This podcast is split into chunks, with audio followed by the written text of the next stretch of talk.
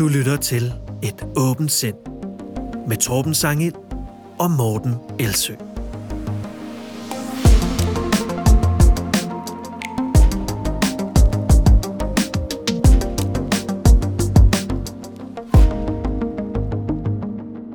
I dag skal det handle om nogle forskellige emner.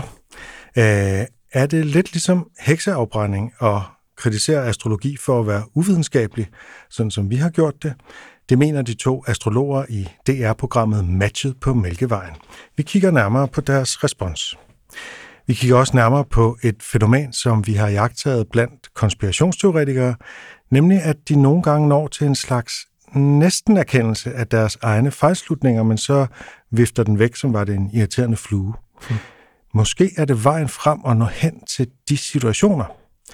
Vi skal også tale om YouTubes kamp mod vaccinemisinformation og det dilemma, der ligger i det, og om Jamie Oliver, som ifølge et viralt opslag på de sociale medier har vundet en retssag mod McDonald's. Men har han nu også det? Og så skal vi selvfølgelig også til sidst lege fodbold og fakta, hvor jeg i dag har en påstand med, som jeg er spændt på, om du kan gætte, Morten. Jamen, jeg håber bare, det er spændende. Det handler jo ikke om at vinde, det handler bare om at være med, ikke? Åh, nå, du er blevet blød på din gamle dag.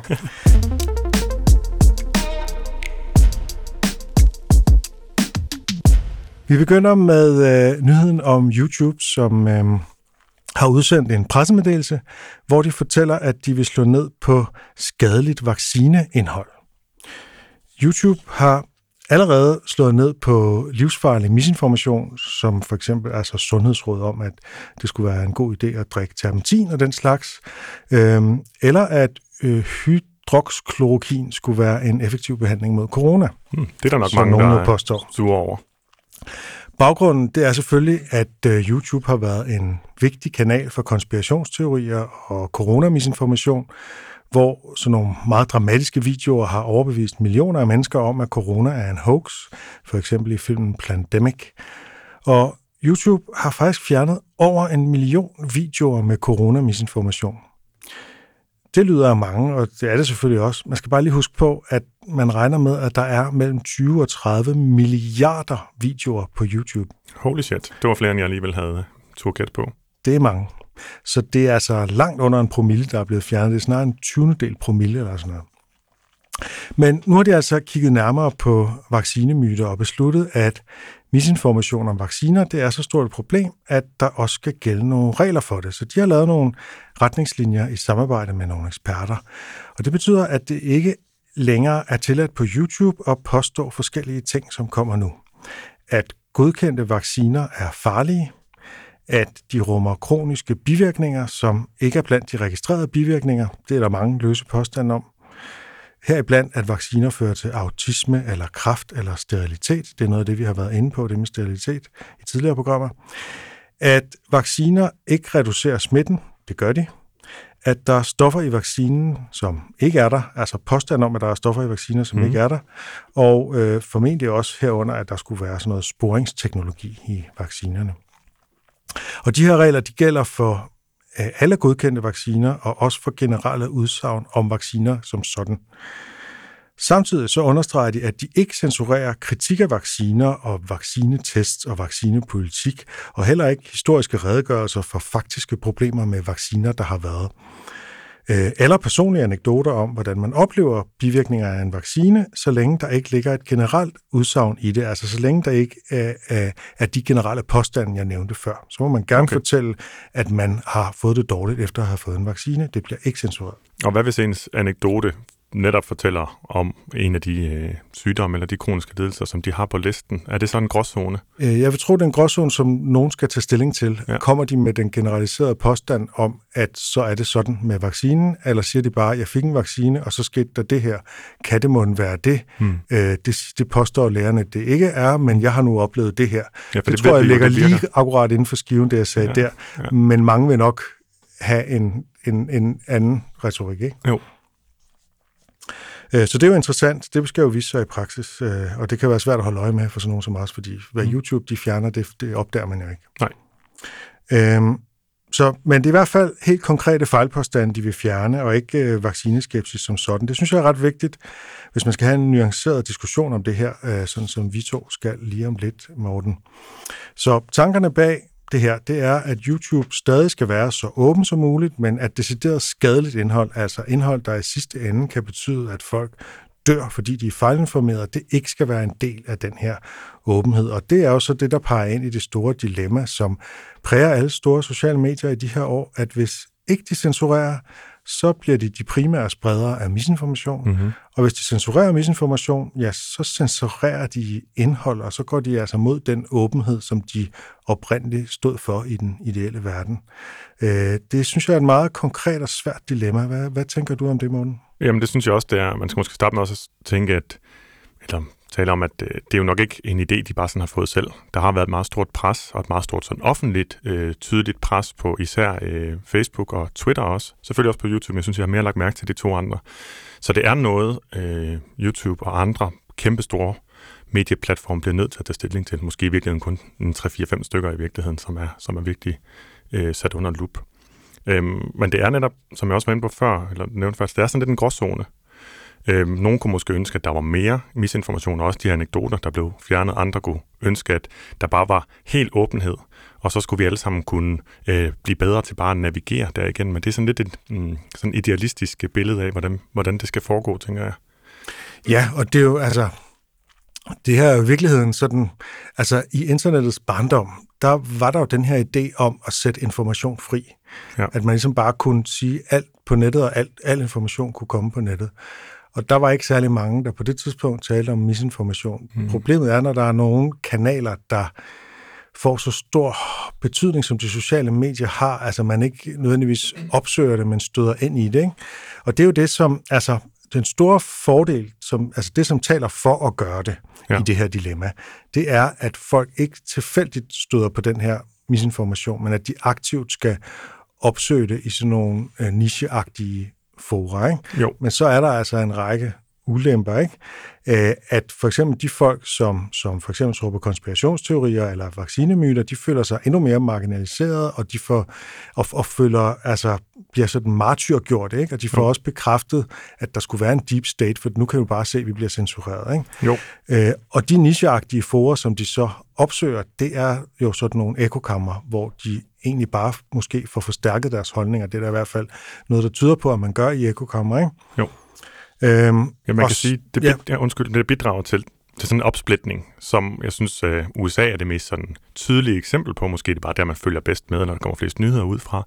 Men den her opsplitning og, og, og der igen en polarisering. Og som du siger, så flytter det måske noget af det til andre platforme. Du sagde, at vi ved ikke, hvad for nogle videoer, der bliver slettet, men det kunne man jo sådan set godt måske finde ud af, fordi de vil jo så dukke op, op på, øh, ja nu har jeg ikke engang nævnt de andre platforme nødvendigvis, nogle af de andre platforme, som, som hoster de her videoer, som altså ikke må være på YouTube. Og der vil de sikkert råbe højt om, at de bliver slettet fra YouTube. Ja, altså man kunne måske faktisk godt finde ud af, hvad for nogen, ja. der vil være blevet slettet. Og som du siger, Hvis man havde rigtig meget tid. Ja, netop.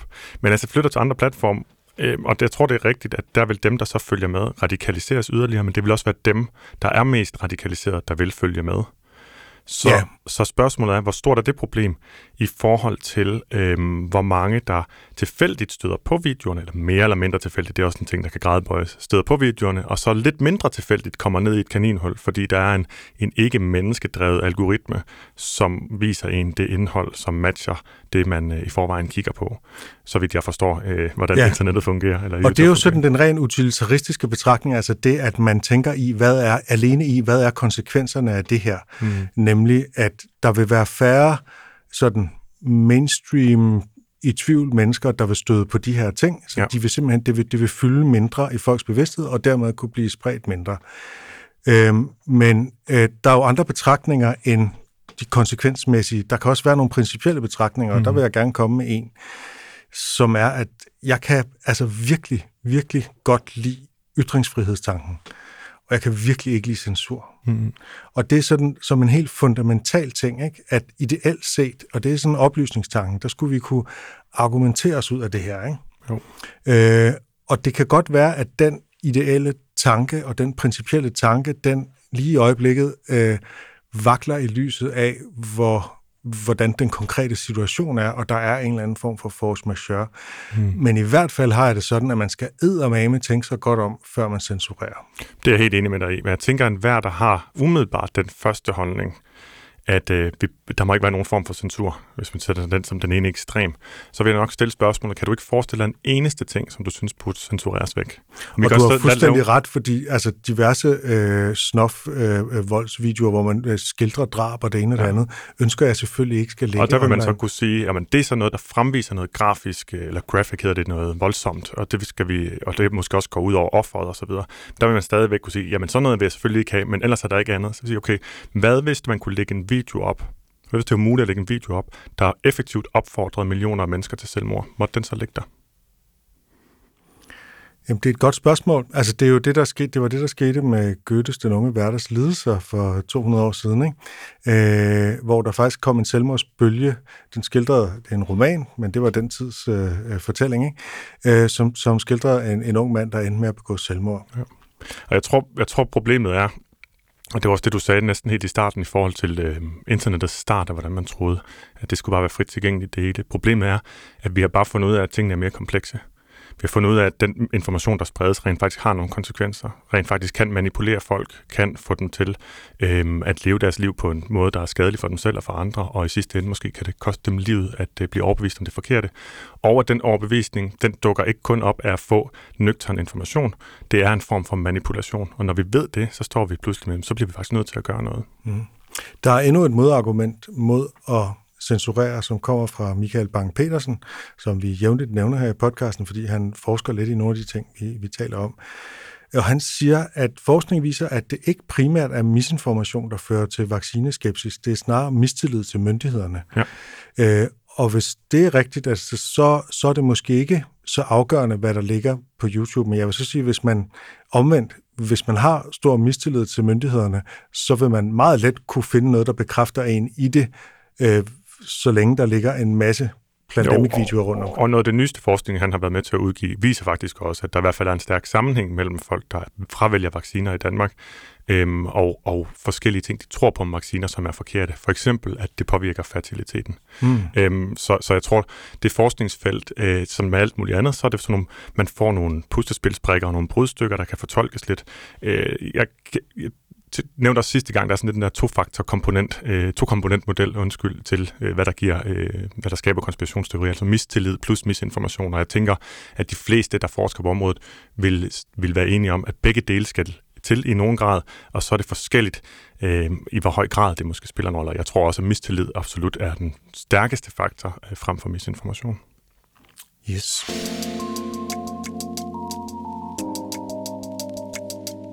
Og Morten, du vil fortælle noget om Jamie Oliver og McDonald's.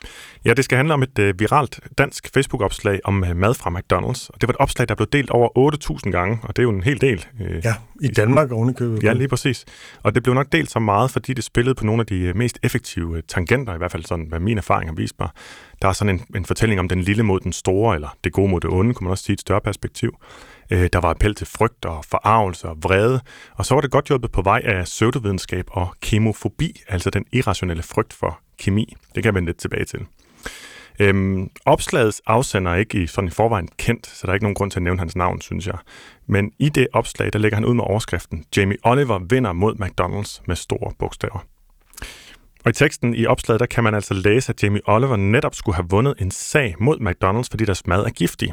Oprindeligt der stod der, altså i oprindeligt i opslaget, øh, som senere blev rettet, der stod der, at McDonald's havde tabt den juridiske kamp mod øh, kendiskokken, fordi han skulle have bevist, at fastfood-gigantens mad var meget giftig, i sit citat derfra. Begge påstande de er altså forkerte. For det første, så har der slet ikke været nogen sag i juridisk forstand det, der er sket, det er, at Jamie Oliver har lavet et angreb på den her fastfood-kæde, som vi alle sammen kender, som skulle være giganten i den her sammenhæng. Jeg er med på, at Jamie Oliver egentlig også er ret stor, men han er alligevel den lille han er, i den sammenhæng. Ja, i forhold til McDonald's er han lille, men generelt er han jo ret stor, også kommercielt med, med ja, køkkengrej og alt muligt andet. Han ja, og har været ude at være sådan meget øh, aktivistisk. Ikke? Øhm, så han har lavet et angreb på den via sit tv-program Jamie Olivers Food Revolution, Øhm, han har længe kæmpet sådan en aktivistisk kamp for bedre mad til britiske og senere amerikanske børn, så vidt jeg husker. Der har været nogle tv-programmer, der også blevet vist på dansk tv for noget tid siden. Øhm, ja, og det skete altså blandt andet den her aktivisme, blandt andet via hans øh, tv-program, som generelt brugte skræmmeretorik til at motivere børn til at spise sundere. Hvilket i øvrigt ikke altid gik, ligesom man håbede. Nu beskæftiger jeg mig en lille smule med, hvordan man øh, påvirker børns spisevaner. Det er ikke altid sådan, ligesom man tror. Der ligger for eksempel en video på YouTube, hvor han viser nogle børn i sådan et øh, skolekøkken, hvordan man egentlig laver kyllingenuggets af restkød og kyllingeskin og blender det og får det til at være sådan rigtig ulækkert. Og da han endelig er færdig og spørger dem, hvem der kunne tænke sig at smage dem, så rækker de alle sammen hånden op. Det synes jeg er sjovt. og det kan jeg faktisk godt genkende, hvis jeg lige må ganske kort. Ja, selvfølgelig. Altså, jeg har jo også hele min barndom fået at vide, at labralaver var det mest giftige slik, og jeg elskede labralaver og, mm-hmm. øh, og så videre, så videre, så videre. Jeg har ikke noget problem med at få at vide, hvad der er i pølser og sådan noget. Nej. Hvis bare de smager godt, så er jeg, går jeg all in. Altså, og der er og du det... som, som mennesker er flest, og faktisk, og det er jo så, man kan sige, det jeg beskæftiger mig med fødevaremæssigt, er typisk det adfærdspsykologiske spøjse i, at jo mere vi gør noget forbudt og forkert at spise, jo mere stiger vores interne lyst til det. Vores indre, øh, intrinsiske motivation, kan man også sige, for at lede efter det. Forbyd broccoli. Ja, det kan man gøre. Så skal det nok, så skal det nok ryge ned. Nå, men pointen var, at der altså slet ikke har været nogen sag i juridisk forstand. Men vigtigere endnu, så har Jamie Oliver hverken påvist, at maden var giftig eller uegnet til indtagelse, som der stod i opslaget de to citater. Han har saleret bare over, at øh, McDonald's blandt andet brugte oksekød, der var behandlet med bakteriedræbende salmiakspiritus til deres bøffer. Det vender jeg lige tilbage til, for det kan jeg egentlig godt forstå, at folk de reagerer på. Øhm, fordi det mest interessante, det er næsten hele den her sag, som altså ikke er en sag, slet ikke er aktuel. Og det er jo noget, man støder på tit, at øh, nyhedsartikler eller artikler fra medier, det bliver delt, og så får det sådan ligesom en ekstra runde, og så finder man ud af, at gud, den er fra 2014 eller sådan noget. Men det her, Jamie Olivers angreb på McDonald's, det foregik helt tilbage i 2011. Det er altså 10 år siden, men det blev altså her serveret, som om det var breaking news. Sidenhen er den her misære så dukket op med jævne mellemrum, Øh, for eksempel tilbage i 2018 så jeg, hvor øh, faktatjekker mediet Snopes skrev om den, og så nu altså her igen, tre år senere i 2021, hvor den igen skaber forarvelse, og forarvelse, det motiverer altså til handlinger, til delinger i tusindvis. Øhm, jo, og så også forresten, øh, året efter Jamie Olivers opråb, så det var altså 2012, der meddelte McDonald's i USA, at de ikke længere vil bruge oksekød behandlet med salmiakspiritus. Så det har altså selvfølgelig haft en effekt, og det har også noget at gøre med, at jamen, en ting er, om det er farligt eller ej, men det har sådan lidt en ulækkerhedsfaktor. Og det, de brugte dengang, og som de så åbenbart heller ikke gør mere, det er sådan noget, der hedder beef trimmings. Jeg har ikke kunnet oversætte det ordentligt til, til dansk. Hvis man bare siger oksekød strimler, så kan det sagtens være god kvalitet oksekød, man har skåret ud. Men det her det er altså noget, hvor du ligesom har skrabet de sidste rester af knoglerne, når du ligesom har øh, lavet de udskæringer, du kan gøre, øh, lave fra en, fra en ko. Ikke? Øhm, og det, der bliver det så vasket, så at sige, behandlet med salmiakspiritus for at sikre, at der ikke er for mange bakterier på. Og det er altså en ting, som er godkendt af øhm, FDA, som det hedder Food and Drug Administration, eller den amerikanske fødevarestyrelse og lægemiddelstyrelse i et, som, øh, som noget, der er sikkert. Men det betyder som sagt ikke, at folk de synes, det er lækkert. Under alle omstændigheder, så er det her 10 år gamle opgør øh, mellem Jamie Oliver og McDonald's, det er så slet ikke relevant i dag. Og den her opfordring til at undgå deres mad på baggrund af informationen om salmiakspiritus, det giver så selvfølgelig heller ikke nogen mening. Endnu mere meningsløst bliver det så, når man finder ud af, som Tjek det øh, fandt ud af, da de undersøgte sagen, faktisk cirka med det det, at McDonald's i Danmark aldrig har brugt kød behandlet med salmiakspiritus. Så han henvender sig altså til et publikum, for hvem det her det på ingen måde er relevant. For det er ikke godkendt til det formål i Danmark. Det er så ikke fordi, det i sig selv er farligt, for det kunne man godt hurtigt tro. Øh, salmiakspiritus eller ammoniumhydroxid, som er ammoniak opløst i vand, det bruges faktisk i mange fødevarer øh, til pH-regulering, altså til at gøre det mere basisk, hvis det er for syrligt. Her hedder det så øh, E527, og det E, det er forkortet øh, en forkortelse fra EU, og det er altså fordi, det er godkendt øh, af EU, fordi det er sikkert at bruge til det formål og i de mængder. Og i øvrigt, så det her hjortetaksalt, det ved jeg ikke, om du nogensinde undrer dig over, hvad det er. Jeg ved ikke, om du bager meget. Øh, jamen, jeg ved godt, hvad hjort Jeg tror endda, jeg har det derhjemme. Ja, men det, det troede vi også, vi havde en gang, hvor min kone hun skulle bage fedtebrød. Og det havde vi så ikke. Øh, så da hun bagte det, så tænkte hun, at jeg putter bare lidt almindelig salt i. Øh, og det viste Nå, sig så... salt, nej, det, det, er, det jeg er med på, at det er et ammoniakprodukt. Nå, det, var, det, det var smager jo af ammoniak. Altså, man kan jo, altså, man kan jo lige tage lidt på tungen. Det smager ja. faktisk sådan lidt som salmiak øh, eller kris. Og dig, der ikke kan fordrage frugt, du kan godt finde ud af at, at spise øh, øh, hjortetaksalt direkte fra bøtten. Det er ikke en frugt. nej, det er selvfølgelig rigtigt. Det er ikke noget med hinanden at gøre. Øhm, men, men det består, som du så åbenbart var bevidst om, også af ammoniak og koldioxid. Altså, det siger jeg jo så ikke det siger jo kun for at minde folk om, at blot fordi noget det lyder farligt, altså man kan komme med sådan et kemisk navn, og det er den her kemofobi, man kan appellere til, så betyder det ikke, at det er farligt. Fordi hvis man ikke er opmærksom på, at sådan nogle kemiske navne kan komme til lige at fuck med vores hjerne og få os til at tro, at noget det er farligt, så kan man let komme til at reagere instinktivt på opslag, øh, ligesom det, den her, øh, det her øh, indslag det handler om. Og et instinkt, det er jo at dele, som jeg har været inde på før. Altså det er jo at dele det, der får os til at føle forarvelse eller vrede, fordi det er sådan nogle handlingsmobiliserende følelser. Når det sætter os i, i handling, øh, så reagerer vi i stedet for først at reflektere, eller vi kommer måske slet ikke hen til at reflektere. Vi er bare i gang med, hvad man sådan kunne tænke fight or flight, eller i hvert fald reaktion. Og så når vi ikke først at spørge os selv, hvordan ved jeg, at det her det er sandt? Og det var også det grund til, at jeg blandede mig i det, og og lavede et opslag om det på Facebook, som jeg, som jeg deler, eller hvad hedder det, som jeg linker til her også. Det var egentlig for at bruge det her som eksempel på, at hvis vi skal blive bedre til ikke at sprede misinformation, så bliver vi nødt til at lære at tøjle den her reaktion. Altså, når vi er ved at reagere, så bliver vi nødt til aktivt at sige, åh, det er et cue til, at nu skal jeg spørge mig selv, hvordan ved jeg egentlig, at det her det er sandt? Vi skal lave sådan en slags mental øh, time-out for at sikre, at, at vi ligesom handler fornuftigt, og ikke bare i vores følelsesvold. Øh, Måske skulle man også tilføje, at McDonald's er selv holdt op med at bruge salmiakspiritus. Det gjorde de sådan i 2012 eller sådan noget. Jamen, det fik jeg også, øh, det tror jeg også, jeg fik Nå, nævnt. Ja. Nå, okay.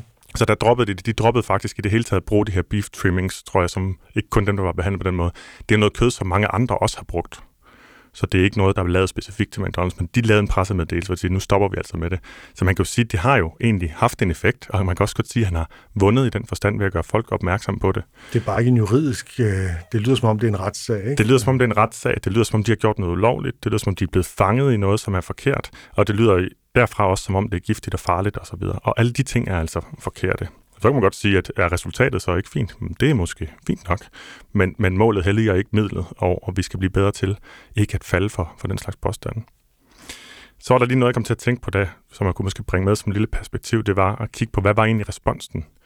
På et tidspunkt, der besluttede jeg mig for, at hvis jeg skulle fortsætte med at skrive på Facebook, så lavede jeg sådan en hit and run, så skriver jeg et opslag, og så må folk gøre, hvad de vil i kommentarsporet. Jeg gider ikke, det har jeg sådan okay. ikke tid til. Men nu er jeg lige inde og kigge den her gang, og responsen var rigtig fin. Folk var glade for øh, at, øh, og tog godt imod det. Og mange havde delt det. Der var også nogen, der havde delt det, hvor de havde så sagt, jamen jeg havde godt nok delt det andet her. Og det var så åbenbart forkert. Jeg synes stadig, at McDonald's er noget lort, men jeg må heller korrigere. Og det var simpelthen noget, det kommer helt varmt ind i, når man gør mm. det. Så det mm. nærmest modvilligt øh, korrigerer sig selv. Ja, men der var også mange, godt. Ja, og så var der også et par eksempler på nogen i kommentarsporet, som, som viste, at de ligesom havde behov for at holde fast i den generelle holdning. Den generelle holdning om, at McDonald's er noget giftigt farligt stats. Ikke? Så om jeg læser lige et par kommentarer op, og så tænkte jeg på, om jeg kunne lokke dig til at give dit bud på, hvilke tankefælder, der er tale om. Det er kun lige et par stykker. Okay. Er det okay med dig? Det vil vi godt prøve. Så her er et lille citat fra en. Jeg faktatjekkede selv, så vi er ikke alle lige dumme. Jeg synes du, øh, dog du med dette opslag ikke forholder dig til problematikken, nemlig at McDonald's ikke er mad. Det kan til nøds kaldes slik og burde kun indtages sjældent. Altså umiddelbart så ser jeg jo whataboutism. Ja. Altså der er ligesom det at tage, dreje den pen på en anden problematik, som ikke var det, der blev diskuteret. Præcis. Og det er som om, at målet helliger midlet, det er jo, det er jo måske også en tankefælde, ikke? at mm. hvis et eller andet er for dårligt, så kan man tillade sig at sige hvad som helst om det. Ja, præcis. Æ, fordi man er jo imod de rigtige. Ja. Æ, så, hvis, så, man kan, hvis, hvis, så man kan sige hvad som helst om Hitler for eksempel, for Hitler er jo ond. Øh, så derfor så, øh, så hvis nogen siger, ej, altså det, det, det gjorde Hitler altså ikke, mm. øh, så, så skal du forsvare Hitler? Mm. Jamen, jamen, det er slet ikke sagen. Sagen er, at det gjorde han ikke. Nej, netop. Og man skal sige, hvis ikke, du kan, øh, hvis ikke din kritik kan bestå uden misinformation, så er den måske slet ikke noget værd øh, i sidste ende. Ja. Så man, han rettede jo også afsenderne, og der oprindelige opslag, han rettede jo også først sagde, at der havde ikke været nogen sag juridisk udsand. Og, og det passer jo heller ikke, at der var det her, og det er jo heller ikke giftigt. Men alligevel... Ja, det er der, men alligevel ja. fejlslutningen. Jamen alligevel argument, ja, præcis. og der er det jo sådan, hvis man virkelig har en god sag, og den synes jeg også, vi har haft fremme før, hvis man virkelig har en god sag, så behøver man ikke at finde på øh, misinformation for at bringe den på banen. Så må mm. det være nok at sige, jamen hey, McDonald's mad er usundt, eller hvad det er, man siger. Ja, og det er faktisk lidt det samme her, for der var også en, der sagde, øh, men de røvhuller alligevel, de betaler jo ikke skat i Danmark. Det er vist ja, også. det er vist den samme, ja. Ja, præcis. Og, og Vi kan ikke lide McDonald's, nej, men, men så komme med en savlig kritik af dem. Ja, præcis. Eller sige, at det er bare en personlig præference. Og så er der også en, som var læge, som skrev, men Morten Else, vi kan blive, godt blive enige om, at maden på McDonald's er alt ødelæggende for folkesundheden. Komma. Kan vi starte der? Selvfølgelig er det ikke alt ødelæggende for folkesundheden. Det, altså, det skal der jo pænt meget til. Det skal vi også diskutere, hvad det er, ikke? Og når man sammenholder med den evidensbaserede litteratur og ernæringssammensætning i McDonald's mad, øh, det håber jeg, du har videnskabelig indsigt til at forstå, men jeg er lidt i tvivl. Ordet giftig og McDonald's mad er faktisk meget rammende, og det er sådan en, der underskriver sig selv med sit navn, og så at han er læge og, og, og det, det, det ærger mig, den kommentar, den ærger mig lidt, fordi det er den samme type argumentation. Jamen, vi kan vel godt blive enige om, som du var inde på, at, ja. det er farligt, så derfor så må vi godt øh, sige det her, i stedet for at sige, hmm, okay, så det passer i hvert fald ikke, og det er godt, du korrigerer det. Vi skal selvfølgelig stadig forholde os til øh, det eventuelt problematiske i, at øh, mm. vi spiser måske for meget øh, øh, mad med et lavt mæthedsindeks, eller med, der er for fortyrestigt, eller hvad det nu ellers skal ja, være. Ikke? Det er lægeversionen af, men alligevel. Men alligevel, ja lige præcis. Det er pakket pænere ind, men det er præcis den samme argumentation. Der burde, jeg tror ikke, der er øh, en, en fejlslutning, der hedder but still, eller øh, men alligevel. Men Jamen, det, jeg har det, faktisk den, skrevet den ned her, så det var sjovt, da du sagde det. Det er sådan, ja, ja, men alligevel fejlslutningen. Ja, ja. Og, og det kan godt være, at den ikke øh, passer, altså den ikke er sådan sin egen kategori, men, øh, men det er i hvert fald en, man godt kan, man kan forstå, når man hører den, tænker jeg. Jeg linker til mit Facebook-opslag om emnet, øh, hvor der også er links til artiklerne øh, hos Tjek det, og Snopes, og den video der i øvrigt, øh, hvor øh, børnene bliver begejstrede for øh, fastfood øh, nuggets, som øh, Jamie Oliver ellers prøver at skræmme den fra at spise. Perfekt.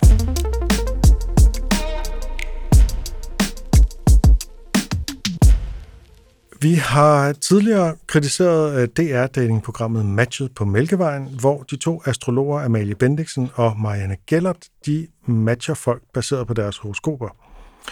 Øh, vores pointe, den var for det første, ja, ikke bare, at der ikke er nogen evidens for, at astrologi skulle have noget på sig, der er faktisk evidens for, at det ikke har noget på sig.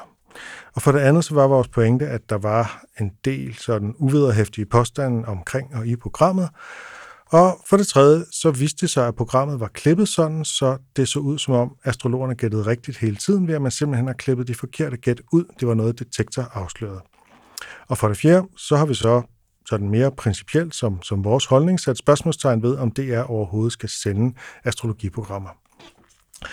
Det var vi så ikke enige om at påpege de her ting. Programmet har haft en lidt hård medfart i medierne, og jeg kan godt øh, forstå, at de her to astrologer de føler trang til at forsvare sig, og det skal mm. de selvfølgelig også øh, bare gøre.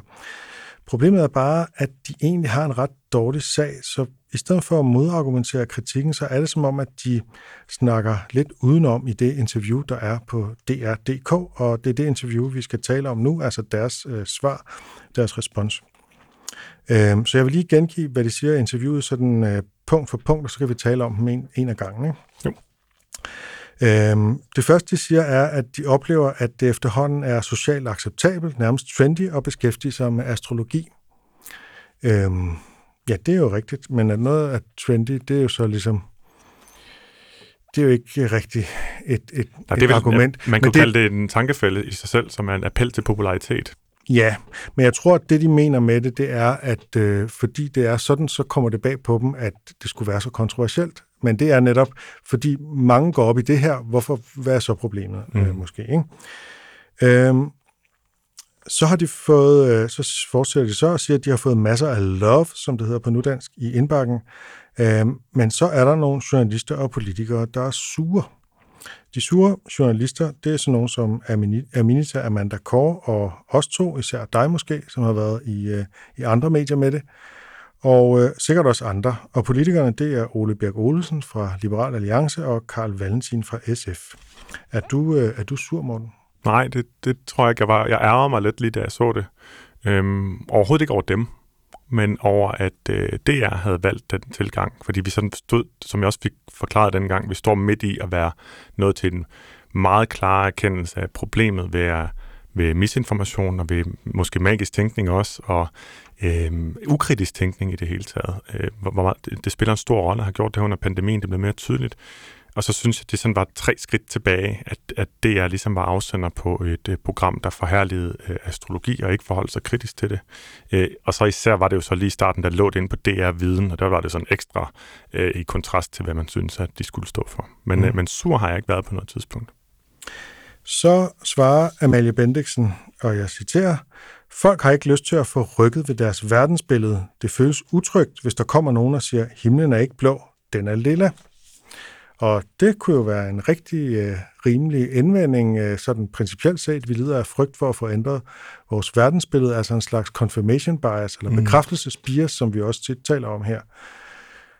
Problemet er bare, at øh, det tror jeg ikke, at jeg eller så mange andre vi har noget problem med, hvis der var lidt evidens bag astrologi.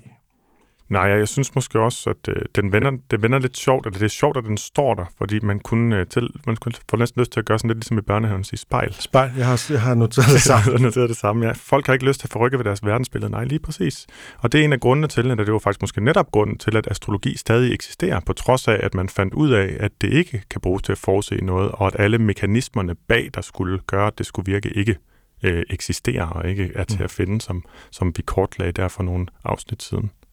Så i stedet for at forholde sig til de beviser, der er for, at astrologi ikke har noget på sig, så, så siger man, at det er de andre, eller det er sådan nogen som os, der øh, øh, ikke vil have ændret vores verdensbillede. Ja, nu nævner du sur, og det med, at folk ikke har lyst til at forrykke ved deres verdensbillede. Det, der jo er i fokus her, bemærker jeg, det er ikke emnet, men det er personerne. Det vil sige, mens det virker ikke surt eller ubehageligt eller aggressivt eller noget som helst, det de skriver, så er det faktisk indtil videre kun argumenter mod kritikerne, ikke mod deres kritik. Ja. Ja, og det er det, der hedder ad hominem Ad hominem, argumentation. ja. Ja. Og det er jo øh, en, øh, en, den måske største debatfælde øh, ved Ja. siden af stråmanden. Ikke? Jo. Øhm, og så trækker de så et helt særligt kort. Øh, man taler nogle gange om Hitlerkortet, men et andet kort, man kan trække i den her metafor med et kortspil, med ting, man kan trække i en debat, det er heksebrændingskortet, eller hekseafbrænding, som de kalder det. Man kan vist nok sige både heksebrænding og hekseafbrænding. ja, og heksejagt er også meget øh, er mere udbredt, tror Ja, jeg. det er mere udbredt. Heksebrænding, så bliver det lige en tand mere voldsomt, synes jeg. Ja. Øhm, Marianne Gellert siger, der er jo ikke noget nyt i, at det, der kommer fra unge alternative kvinder, er blevet fortiet og begravet, eller ligefrem brændt. Og så den anden, Amalie Bendiksen, hun supplerer så, jeg følte det lidt som en moderne hekseafbrænding, da der var et stort billede af mig på forsiden af BT. Og det er selvfølgelig ubehageligt, at der er et, et billede på velkommen på forsiden-agtigt, ikke? Øhm, så hvis vi lige skal begynde med stålmanden, som jo altså er stråmandens øh, modsætning, ikke? hvor man giver den anden så meget credit som overhovedet muligt, så ligger parallellen i, at der er nogle kvinder med en alternativ livsopfattelse, der bliver udskammet offentligt. Ja. Så det er ligesom parallellen, men der er jo nogle ret markante forskelle også. Jo, og måske lige inden vi går ind i det, vil jeg gerne lige understrege, nu siger hun selv, det føles som om, Mm.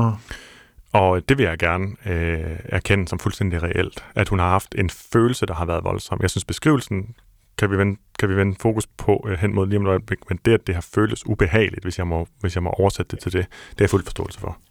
Det samme her. Øhm, og det er aldrig, øh, øh, det, det, det er altid ubehageligt at, at møde kritik, og det, øh, det, det ved vi også begge to, at det, øh, men det er også den pris, man i et demokratisk samfund med en offentlig debat øh, må betale, når man stiller sig frem offentligt og laver et eller andet, som vi også gør. Mm.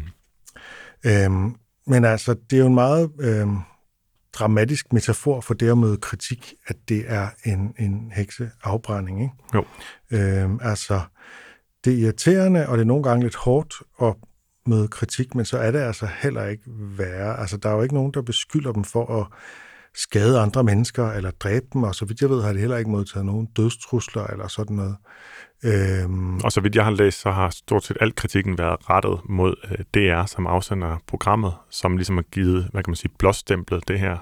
Øh, kritikken har jo ikke været på deres podcast, som var det, der affødte, Mm. at de blev valgt som eksperter i overført men der betydning. bliver ironiseret lidt over dem, Absolut. hister her, ikke? Absolut. Øh, øh, i klummer og sådan noget. Ikke? Jo. Øhm, ja, for det andet, så er det jo lidt slående, når nu man så bringer den metafor i spil, eller sammenligning i spil, at heksebrænding er jo bygget på religiøs overtro og ikke på skepsis og kritisk tænkning. Altså, mm. Folk i renaissancen troede faktisk på sort magi, og det var derfor, at de var bange for hekse, sådan lidt enkelt sagt. Jeg skal nok uddybe om lidt. Øh, Men i tilfældet med astrologien, der er det jo dem, der er overtroiske, og ikke deres kritikere, kan man sige. Ja, altså, det, er- det er jo fornuften, der sejrede over hestebrænd, øh, heste, hekseafbrændingerne og heksejagten generelt, hvor den tidligere var drevet netop af, at der har været mange interesser, og det er sikkert ekstremt komplekst, men det var i Ja. øvrigt en fuldstændig forfærdelig, det, altså det er noget af det mest forfærdelige læsning, jeg har lavet, det er noget tid siden, så jeg kan ikke gå lige sådan i detaljer, men det er noget af det mest forfærdelige læsning nogensinde, modbydelige, jeg nogensinde har læst, det har været om, hvordan det foregik, og hvordan der var skrevet en bog, som jeg ikke lige vil rode mig ud i at, øh, at nævne navnet på, øh, den har et latinsk navn, øhm, om hvordan man ligesom skulle øh, torturere sig frem til at få erkendelser øh, fra, øh, fra de her kvinder, som man altså havde en eller anden, anden interesse i at få lukket munden på. Mm.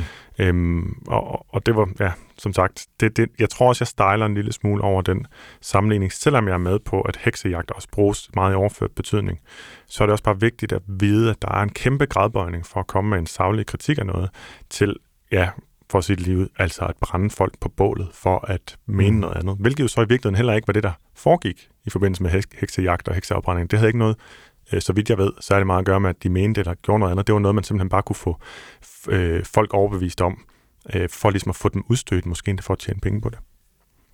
Og det vil jeg gerne gå lidt ned i, hvis vi nu forlader øh, øh, astrologeren her, så, så fik jeg lyst til at lave lidt research på, hvad er egentlig fakta omkring heksebrændinger, og det skal nok gøre det kort, men det er fordi, der er jo mange sådan øh, myter og, og fejlopfattelser, så jeg synes, det kunne være rart at få en sådan lidt nuanceret mm. fakta på banen. Ikke? For eksempel er der mange, der tror, at, det var, at de fandt sted i middelalderen, og øh, det begyndte også i Frankrig i senmiddelalderen, men her i Nordeuropa, der var det faktisk kun i renaissancen og efter reformationen. Øh, Martin Luther, han troede selv på trolddom og hekse, og, og skrev også, at de skulle henrettes.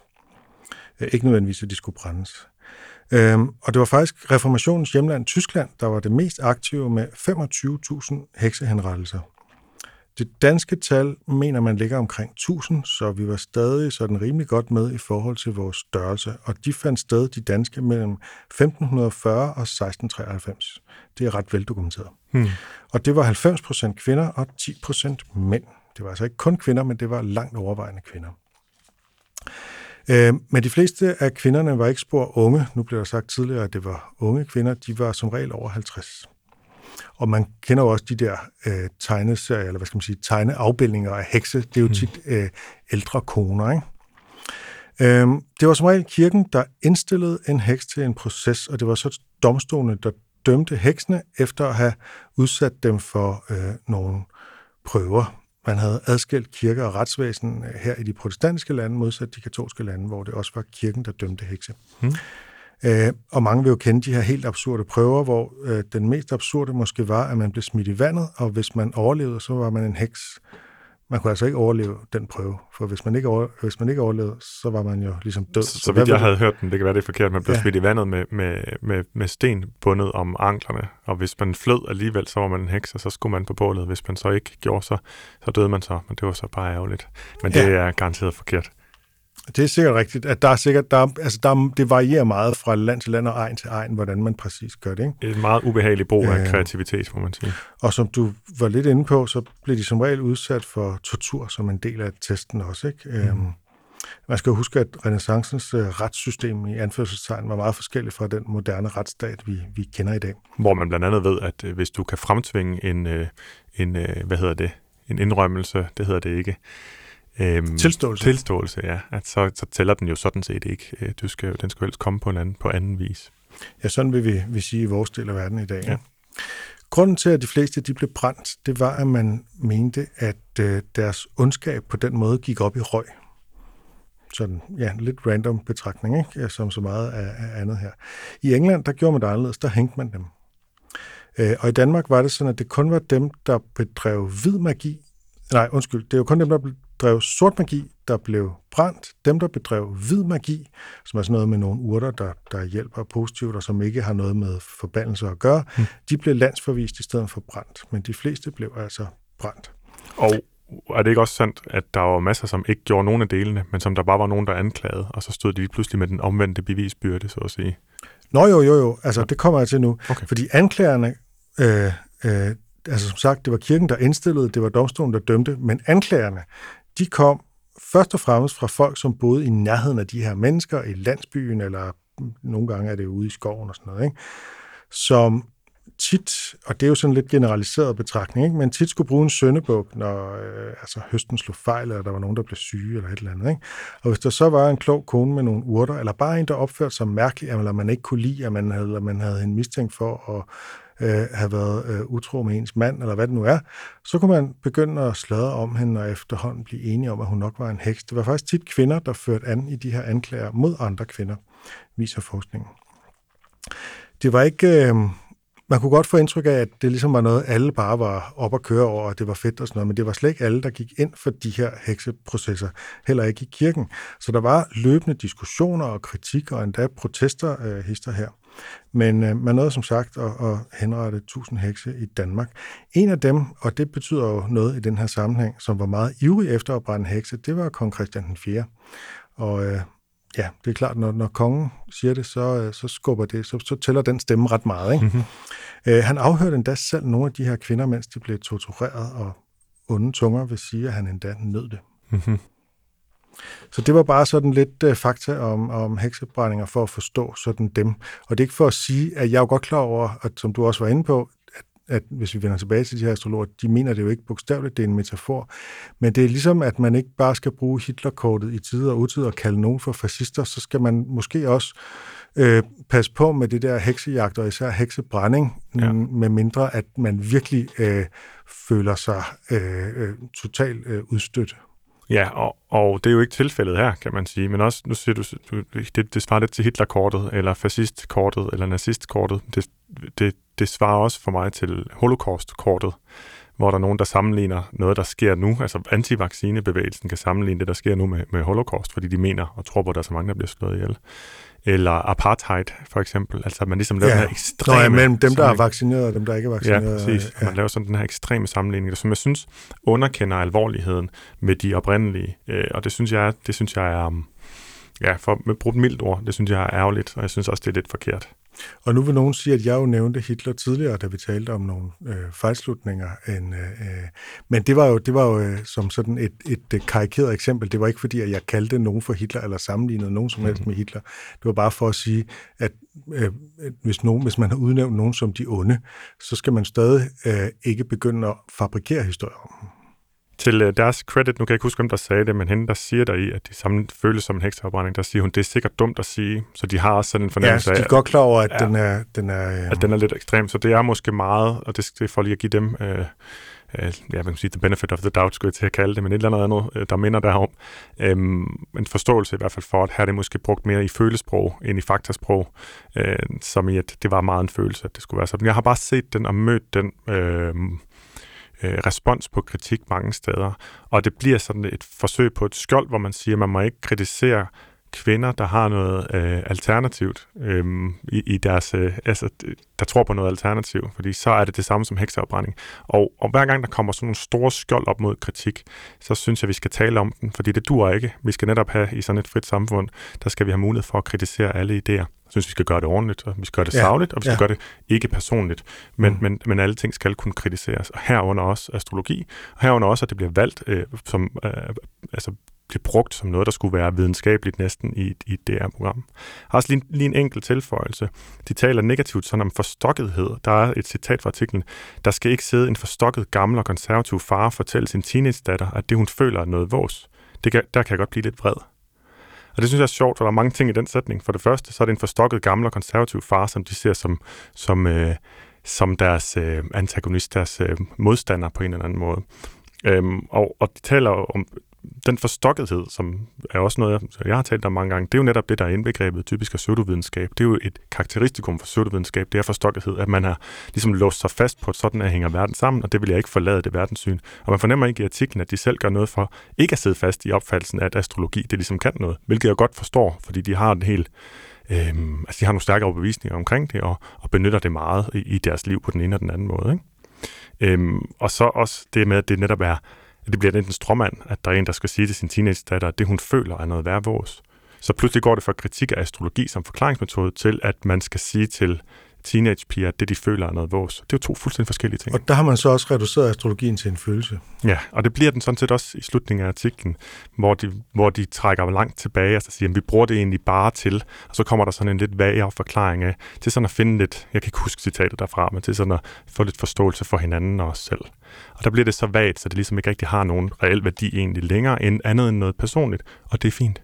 Det er så først, når det kommer ind og Så bliver... er det bare også et argument for, at så skal man ikke lave øh, et program baseret på, at det øh, har noget på sig. Mm, enig.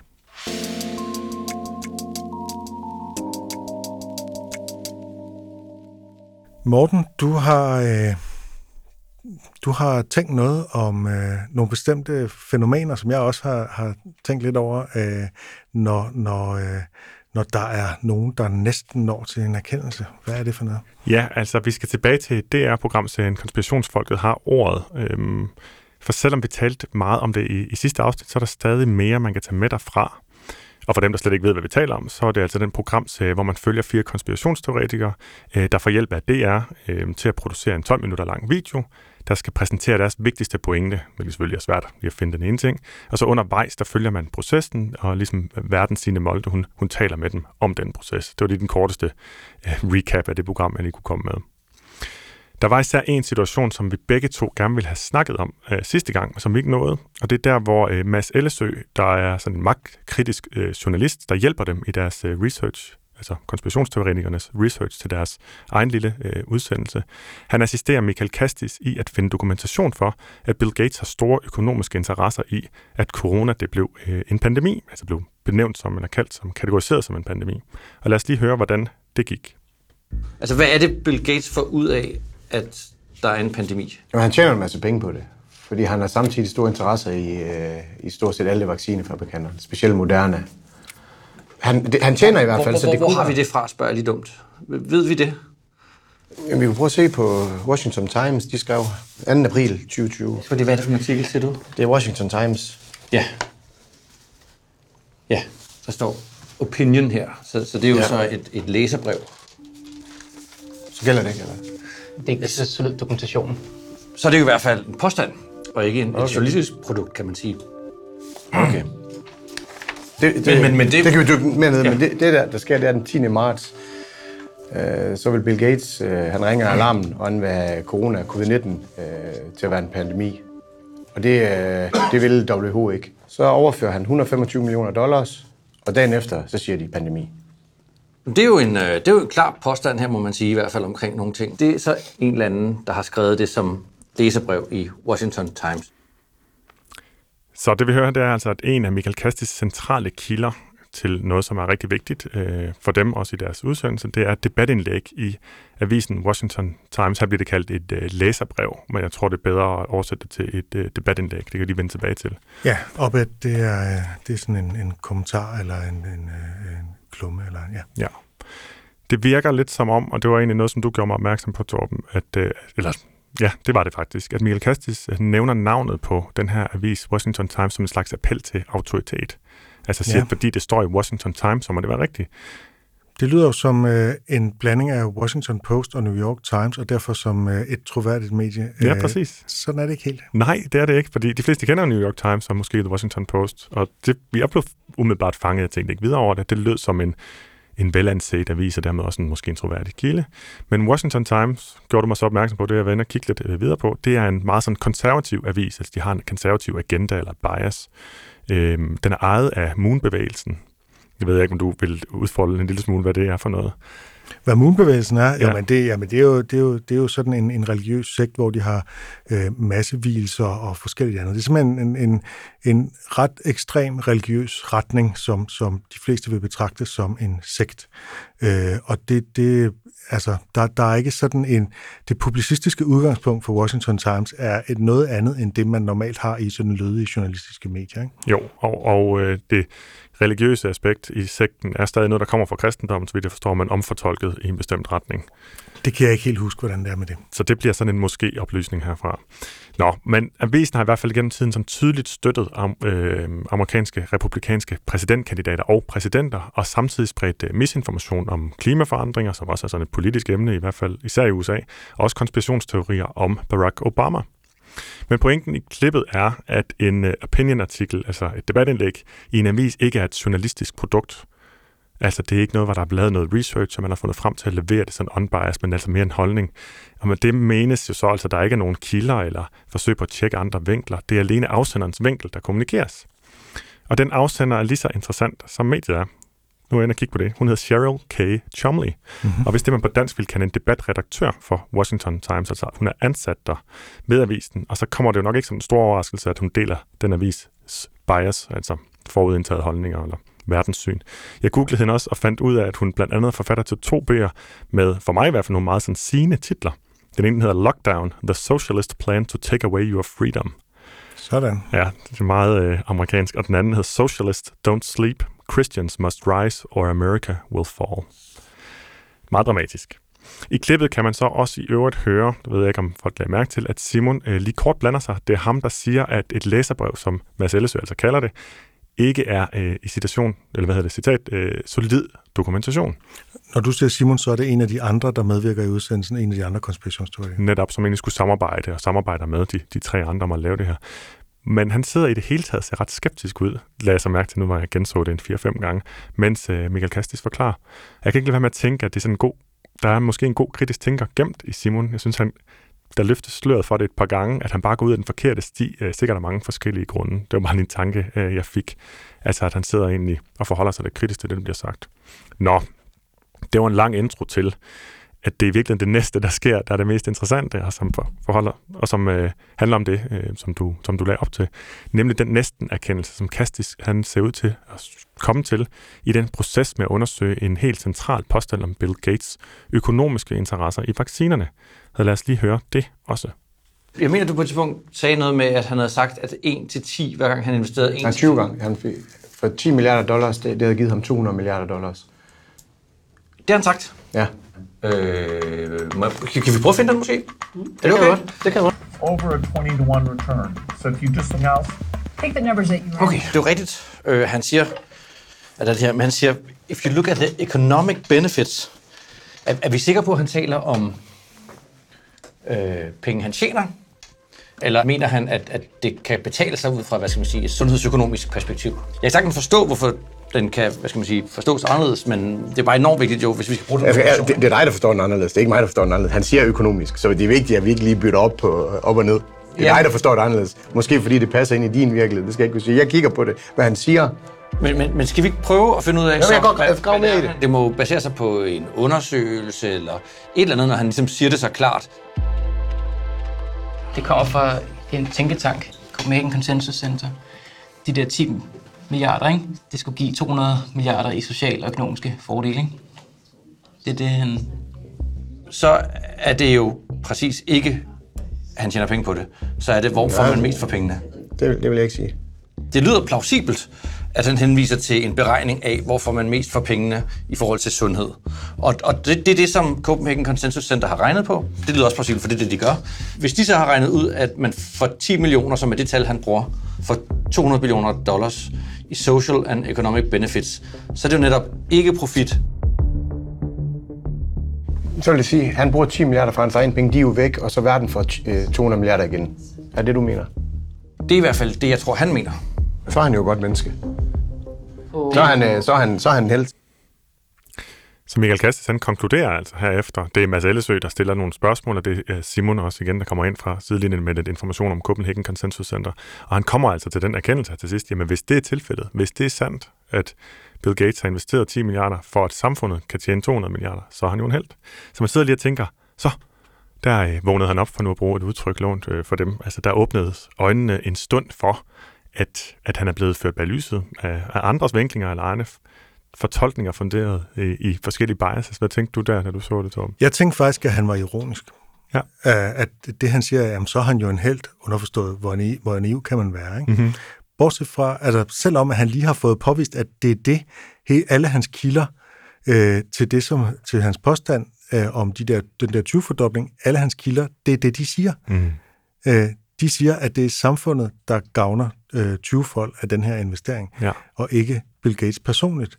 Så det er, altså det er et ubestrideligt faktum, at det er det, der er udsagnet. ja. Det er det godt nok. Så, Så kan han sige, det tror jeg ikke på, øh, at det, det, men hvorfor skulle han, altså, det, det, det falder fuldstændig fra hinanden. Der er ingen steder, hvor Bill Gates eller nogen andre har sagt noget andet. nej. Men det er jo meget, meget langt. Det er faktisk din diametrale modsætning af hans egen opfattelse, formentlig af Bill Gates, i hvert fald sådan, som de har kommunikeret det undervejs, fra fjende til held. Og det er vi jo ikke glade for, at skulle ændre holdning i så høj grad. Øhm, så da han kommer ud til bordet igen, der sidder Signe Molde og spørger ham om noget. Lad os lige høre det lille korte klip. Kunne du, kunne du, var det en hjælp? Om, om det var en hjælp? Mm. Nej. Så det var jo en hjælp til at finde frem til sandheden, men det var nok i virkeligheden ikke den, der var så interessant, som det var at finde frem til noget, der var bekræftende. Ja. Og, og det er jo sådan set meget typisk for mennesker. Men hele den scene, den minder mig om en anden næsten erkendelse fra en film, som vi begge varmt kan anbefale. Netflix-dokumentaren Behind the Curve, Ja. som på dansk hedder Faldet af i svinget. Du har også engang skrevet et Jeg kan bedre lide den engelske titel. Ja, jeg tænker, vi giver den lige med den anden, men jeg synes også, den anden, den, øh, den engelske er bedst. Øhm, den handler, filmen handler om det amerikanske fællesskab for folk, der tror, at jorden er flad, og altså ikke rund, som de fleste af os ellers er Simpelthen. Flat Earth Society. Ja, netop. Og derfor også tror, at der må være en kæmpe konspiration, eller der er en kæmpe konspiration bag at skjule den sandhed. I filmen der følger man primært en mand, der hedder Mark Sargent, som er sådan meget øh, udadvendt, øh, næsten sådan lidt showman-agtig. En rar fyr. Også det. Øhm, og så senere følger man også hans podcast medvært, medvært øh, Patricia Stier. Undervejs der hører man om øh, intern splid og fraktioner i fladjordsfællesskabet, som også er interessant at følge med i. Og på et tidspunkt så bliver Patricia Steer selv anklaget for at være, ja, nærmest en mulvarp indsat af CIA. Og lad os lige høre, hvordan det foregår.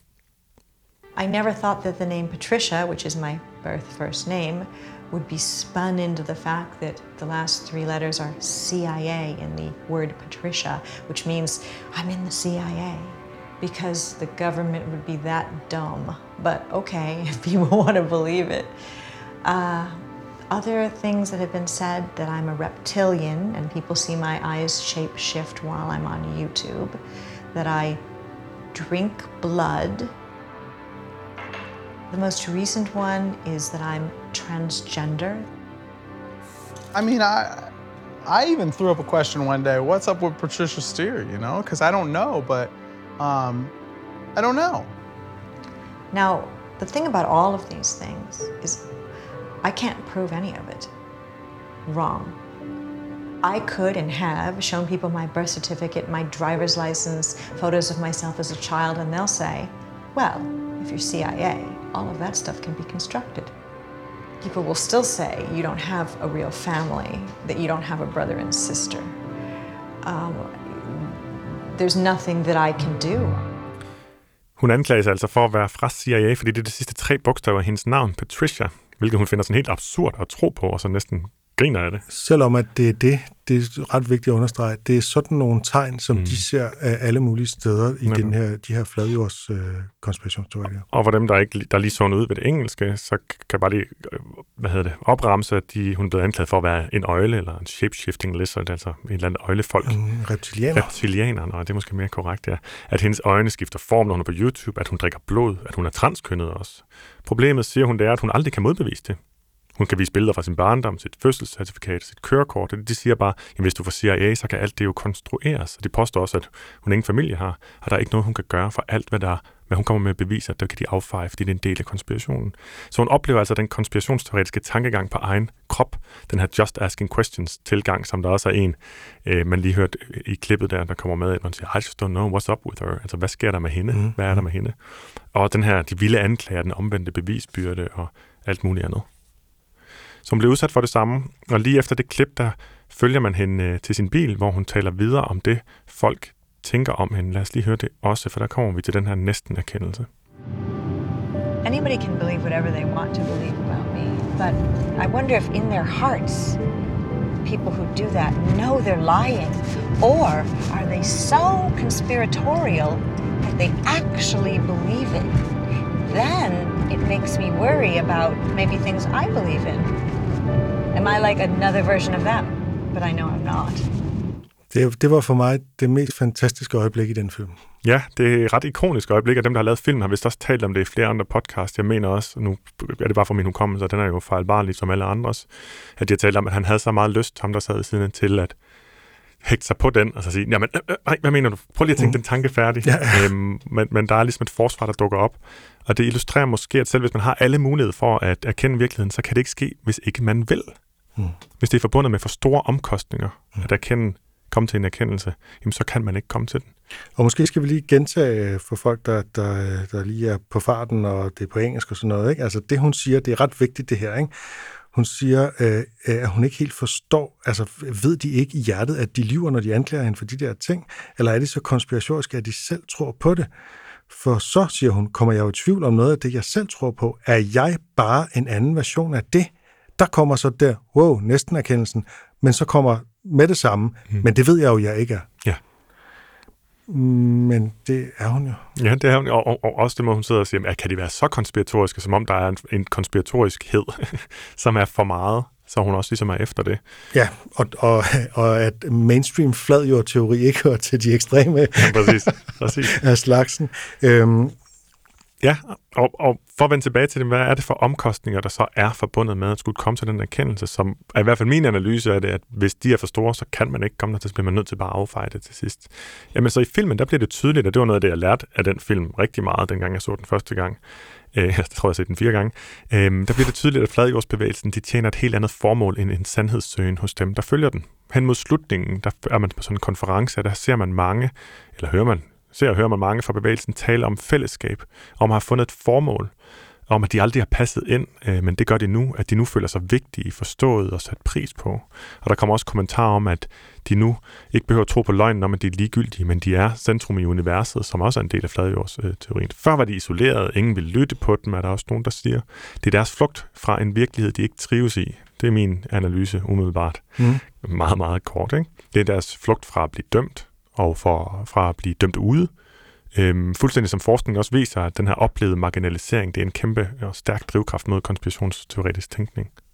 Og det interessante er jo så, at de så selv ligesom gør det. Altså, der kommer jo den her interne splid mellem mm. dem, der tror på en dyb himmel, og dem, der mener, der er en glaskuppel over jorden. Ikke? Øh, fordi det er jo ligesom de to mulige forklaringsmodeller, eller jeg ved ikke helt, hvor, hvor meget de forklarer, men altså øh, de to verdensbilleder, der er inden for fladjordsbevægelsen. Ikke? Jo. Øhm, Øh, er du færdig med at tale om øh, filmen? Fordi jeg, har, jeg vil gerne sige noget principielt. Jamen, det må du meget gerne. Ja.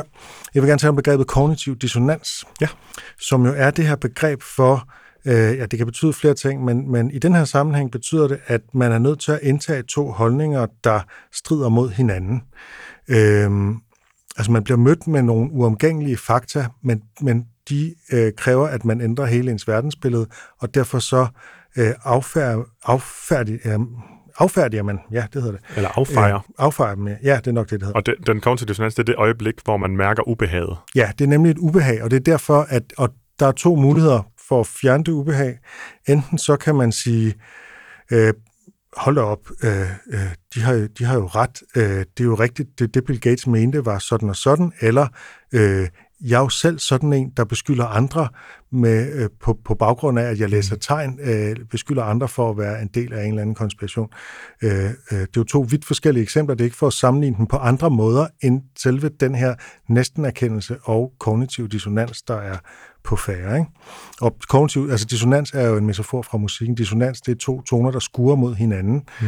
øh, inden for sådan traditionel harmonik, ikke? og det, de vil være sådan en spænding, der trænger til at blive opløst inden for sådan klassisk musik. Ikke? Øhm, og her der er der sådan et, og der er også sådan, der er sådan lidt, det er et ubehag, det er en spænding, det er en anspændthed, og så når det bliver opløst, så ah, kan man slappe af igen. Ikke? Jo, og det er mennesker Og de vælger begge to at mm. opløse den i den retning, at de bevarer deres verdensbillede og ignorerer øh, en, en meget påtrængende faktum. Det er vigtigt, fordi det der ubehag, det kan mennesker, mennesker trives, kan ikke være et ubehag særlig længe, uden at handle med det samme på det. Det er sådan set en af de ting, der motiverer os rigtig meget. Det er, hvis vi er i et, i et lille ubehag. Det kan være den kedsomhed, der gør, at man hiver telefonen op af lommen. Det kan være lidt større ubehag, det er, hvor man bliver konfronteret med, at det, man definerer sig selv som, eller en del af det, man identificerer sig med, at det simpelthen er forkert. Også til allersidst i filmen, der er der nogle fladjordsfolk, øh, folk, der laver et eksperiment, der skal afgøre, øh, om jordens overflade egentlig er kurvet, og spoiler alert, eksperimentet viser, at det er den. Jorden er rund. Efterfølgende, mens man ser sådan rulleteksterne, så hører man små klip, hvor de forsøger at bortforklare det her forsøgsresultat. Der er lidt bredere perspektiv, synes jeg. Prøvede jeg i hvert fald at finde, som vi kunne, vi kunne sende ud med her, eller med ud her. Og det er jo vigtigt at forstå øhm, det her, at vi alle sammen kan øh, har omkostninger forbundet med at skulle ændre holdning i forskellige sammenhænge. Det er vigtigt at forstå, især for alle dem, der er frustreret, forsøger at øh, omvende konspirationsteoretikere i diverse øh, kommentarspor på sociale medier for eksempel, i den tro, øhm, øhm, ja, altså, det er vigtigt at forstå, at den tro øh, i mange tilfælde tjener et, et formål. Altså, den giver den noget, noget meningsfuldt, som de skal give afkald på, hvis de skal acceptere, at du har ret, og de tager fejl. Er det så underligt så, at man mødes med udenomsnak og personangreb, når man forsøger at overbevise dem om, at de tager fejl? Fordi det, man i virkeligheden forsøger at gøre, det er at hive måske deres øh, fællesskab væk fra dem, deres formål og deres mening øh, og deres livsglæde, så at sige. Så der er altså meget mere på spil, end bare om det er sandt eller ej. Det er der måske ikke for dig, der deltager i debatten eller prøver at omvende, men det er der altså på den anden side. Og hvis man altså man kan ikke gå ind i sådan en debat uden at være bevidst om det, i hvert fald ikke, hvis man skal tro, man kan få noget som helst ud af det. Og det er også derfor, vi tidligere har rådgivet, altså Mm. folk, som er øh, pårørende, som er konspirationsteoretikere, at simpelthen øh, øh, holde en respektfuld dialog Mm. og understrege en omsorgsfuldhed som det primære, snarere end, end selve diskussionen, fordi den fører ikke rigtig nogen sted hen. Og man kan tænke over det med holdninger, man selv har, som hvis folk de pludselig kom og sagde, at de var forkerte, hvor meget man så ville øh, stille sig på hælene og gå i baglås over det. Og i et bredere perspektiv, så handler det jo om, hvad der sker, når vi bliver gift med vores holdninger. Øhm, altså det kan blive en alt for grim skilsmisse, hvis man kan blive den øh, metafor. Og derfor så bliver vi i forholdet til, til en holdning, i stedet for at øh, bryde med den, når man ser, at der er noget galt med den. Fordi prisen for at acceptere ny viden, der annullerer det, vi tror på, den simpelthen er for høj. Og den slags selvforsvar, den er jo ikke unik for konspirationsteoretikere. Den eksisterer hos os alle, og vi holder alle sammen fast på overbevisninger og holdninger, især hvis vi synes, de er med til at definere os, men også hvis vi bare har investeret os i dem ved at for eksempel bare belære andre om den og fortælle højt om den tit. Den fastlåsthed, den talte jeg jo om i et øh, øh, oplæg om kritisk tænkning, jeg lavede på en konference her i, i september, noget der hedder Behaviors. Øhm, og her talte jeg om, om begrebet kognitiv stadighed, som, som jeg fandt frem til i samarbejde med ham, der, der øh, arrangerede, øhm, øh, hvad hedder det, arrangerede konferencen, den hedder Morten Mønster. Ikke den unge YouTuber, men den lidt ældre forfatter. Øhm, og, og hvad der driver den her kognitive stadighed, hvorfor den er så skadelig, og hvad vi kan gøre for at slippe den. Og jeg tror, det giver mere mening, hvis man gerne vil have andre til at slippe deres kognitive stadighed, at man begynder at arbejde med sin egen, for så får man forståelsen for, hvorfor det er så svært. Ja, problemet er, at vi, det bliver en, vores værdier og vores verdensbillede bliver en del af vores identitet. Mm.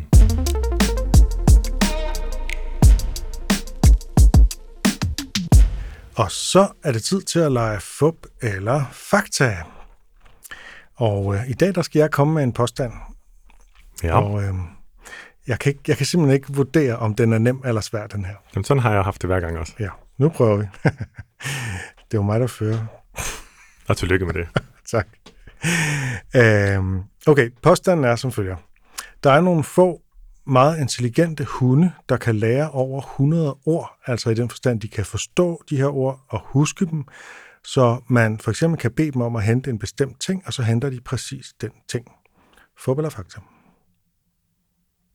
Altså nu, øh, jeg havde en intuitivt svar, som jeg egentlig havde tænkt, jeg bare ville øh, fyre af, men, men nu er det meningen, der skal resoneres lidt. Øh, jeg kan sige, at det, jeg tror faktisk, det er fakta. Og du siger, at der er nogle få bestemte hunde. Er det et få i antal, eller få øh, raser? Jeg skal bare lige være sikker på, at jeg ved, hvad du mener. Øh, få i antal. Okay. Jamen for mig der er det i hvert fald ikke noget, der lyder usandsynligt, som siger, de kan forstå. Det vil sige, de kan handle øh, korrekt på 100 forskellige kommandoer. Øh, ja. Øh, øh, ja. I, øh, konstrueret i forsøg på en måde, så det er øh, øh, en entydig, øh, at de skal kunne forstå ordet. At de skal kunne forstå ordet. Okay, det lyder som om, der ligger en detalje der i, der kunne, være, der kunne, der kunne vælte det. Hvad vil det sige at forstå ordet i den sammenhæng? At instruktionen er så præcis, at det kan ikke være noget med tonefald og alt muligt andet, Mm. der afgør det. Okay. Det er for eksempel, hent den blå superheltefigur inde i soveværelset. -agtigt. Okay, ja, nu bliver det jo så en lille smule, nu bliver jeg mere skeptisk, vil jeg sige, overfor det. Øhm, fordi jeg vil, jeg vil mene, at... Øh, at Så det er ikke bare sæt og øh, sådan noget. Det, Nej, det, men tæl, tæller de med i de, i de 100, at den også øh, skal være? Nej, det er øh, fordi, der, der, er du i gang, der er du i gang med en gestus. Okay. Øhm, så det skal, så, så øhm, øh, hvis man skal lave sådan et forsøg, så skal øh, hundeejerens øh, sådan øh, alle mulige øh, øh, nonverbale tegn kunne elimineres. Yes. Okay, så det er simpelthen en ren, øh, en ren øh, kommando. Mundtlig kommando, også uden ekstra tonefald. Ja. Uden prosodi, hedder det det? Andet end, et, en, man må gerne være opmuntrende. Yes, Øh, okay. Ja, nu bliver det jo mindre og mindre sandsynligt, som detaljerne de, øh, kommer ind, men jeg har ikke øh, ellers nogen grund til, at det skulle være det ene frem for det andet, altså fup versus fakta, andet end at det kunne være, at du tænkte, jamen det tror Morten godt på, og så er vi tilbage i det der øh, spil, som kan gå begge veje, og to og tre og fire omgange frem og tilbage. så derfor så, øhm, selvom jeg sådan set, øhm, nej, jeg vil lige være at afsløre noget i forhold til en, en, en fodboldfakta, jeg måske vil lave på dig, så det jeg lige være med. Ja, lad være med det. Ja, lad endelig være med det, Morten. Øh, jeg siger fakta. Øh, og var det også din intuitive bud? Ja. Ja, så du gik faktisk med din første indskydelse. Ja. Og det er fakta. Nej, det var da dejligt. ja. Sikkert nogle dygtige hunde. De er nemlig rigtig dygtige. Det er helt ny forskning, som er beskrevet i New Scientist. Øhm, de bedste hunde, de kan lære 12 nye ord om ugen, og huske altså over 100 forskellige ord, også efter flere måneder, hvor man ikke har brugt dem. Imponerende. Og øh, jeg har kigget på nogle af de her tests, øh, og det, det var øh, fra dem sådan, det var dem min, mit, mit forsøg på at, at gøre det lidt vagt, når jeg skulle beskrive forsøgene, de bygger på. Mhm. Fordi, øh, så de her tests, jeg har set, de går ud på, at ejeren øh, har en kasse fuld af ting, givet af øh, eksperimentet, og øh, virkelig mange forskellige ting, ting som hunden øh, næppe har et forhold til i forvejen. Så skal de simpelthen lære de her forskellige genstande at kende, øh, og og genkende fra hinanden på lyden af ordet. For de har ikke andet, øh, for de ligger i samme kasse. Øh, og hun bliver så bedt om at hente en bestemt ting i et andet rum, end det ejeren sidder. Så man kan ikke gøre noget med at pege eller noget som helst. Øh, og det bliver jo videofilmet, det her. Ikke? Ejeren sidder og siger, hent den blå superhelt. eller, øh, Jeg kan ikke huske, hvad det var, for det var nogle meget mærkelige genstande. Det var ikke normalt hundelegetøj, Nej. men det var selvfølgelig heller ikke usundt for hunden. Det var noget, en hund kunne tage i munden. Ikke? Var det Captain America? Det kan jeg ikke huske. Nej. Så han kan kun bruge, ejeren, han eller hun, kan kun bruge øh, lyden af ordet til at udvælge genstanden. Og det er så meget få hunde, der kan det der, og det var det, jeg mente. Øhm, og nu øh, bliver det meget kompliceret, og jeg kom til at, simpelthen til at skulle sige for meget, hvis jeg så også skulle forholde mig til racer. Men sagen er, der er fundet 12 hunde i verden, så det er få individer. Men de er også alle sammen af samme race, så der er også noget med rasen, mm-hmm. hunderasen. Og kan du gætte, hvilken hunderace det er? Nej. Border Collies. Simpelthen. Jamen, det var det, jeg tænkte. Nej. Helt sikkert. Ja. Øhm, øhm, men altså, 12 hunde er der fundet i verden, øh, som kan på det her niveau. Ikke? Øhm, og der er så lavet en indbyrdes konkurrence mellem de her 12, øh, hvor der så er en vinder, og så er der ligesom udnævnt den, den mest sprogkyndige hund i verden, som vist nok hedder whisky. Okay, men... Øh, så er vi også ude et detaljegrad nu. Som... Hvis man nu sidder derude og tænker, at ens hund er enormt klog og forstår alt, hvad man siger, så skal man nok lige klappe hunden, øh, fordi øh, det her er altså som sagt noget, som meget få hunde kan, og som regel så er hele ens gestik og stemme, hvad hedder det, toneleje, alle de der ting jo en del af hundens måde at kommunikere på, og de kender sådan efterhånden deres ejers sådan øh, 3-4 mest almindelige øh, ordre, ikke? Øh, man har jo tidligere konstateret, at der er nogle bestemte elite-aber, altså chimpanser og gorillaer, der kunne lære symboler, piktogrammer og sætte hypotetiske sætninger sammen. Ikke? Kaldte du dem elite-aber? Ja. Fedt. Det er et nyt ord. Jeg er ikke, jeg er ikke bange for at hylde eliten. Nej. Øhm, de var i hvert fald elite i forhold til præcis det her. Ja. Øhm, som faktisk også kunne, altså øh, nogle af dem formåede, de bedste formåede at lave betingede sætninger. Altså, når du Når går hvis. ud, så tag øh, tre øh, bananer med, agtigt. Mm. noget af den stil. Det var ikke et autentisk eksempel, jeg fandt bare lige på noget. Men hypotetiske sætninger, som ikke bare er, nu vil jeg have det. Mm. Øh, sådan noget, ikke? Øh, men altså, hvis den her forskning holder stik, så kan hunde også på et eller andet niveau være med. Øhm, og altså udover at hundeelskere jo vil elske den her nyhed, så er der et større videnskabeligt perspektiv, øh, som egentlig driver den her forskning, som handler om, hvordan sprogforståelse og sproglæring fungerer i det hele taget, skriver altså New Scientist. Spændende. Ja. Øh, det var et åbent sind for denne gang. Du kan skrive til os på sendatheartbeats.dk.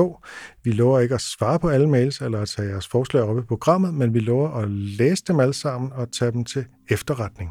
Og så mangler vi bare et citat, Morten. Det lyder sådan her. At være åbensindet betyder ikke, at man blot tror på alt, fordi man vil ønske, at det var sandt. At være reelt åbensindet handler om at være klar til at ændre sine overbevisninger baseret på evidens eller mangel på evidens.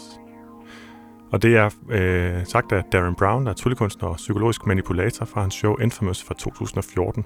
Jeg kan ikke huske, om jeg har nævnt det før, men han har i øvrigt lavet et andet program, der hedder Messiah, der ligger på YouTube, hvor han overbeviser fem indflydelsesrige personer om, at han har særlige evner på netop deres område inden for klaverjance, kristen omvendelse, New Age-teorier, bortførelse af rumvæsen og kontakt med de døde, for at få dem til at støtte ham øh, som udøver på deres felt. Og han bruger altså bare teknikker fra trylleverden og psykologisk manipulation, og det er værd at se, og jeg linker til den YouTube-video. Det har jeg ikke set, men det vil jeg rigtig gerne se.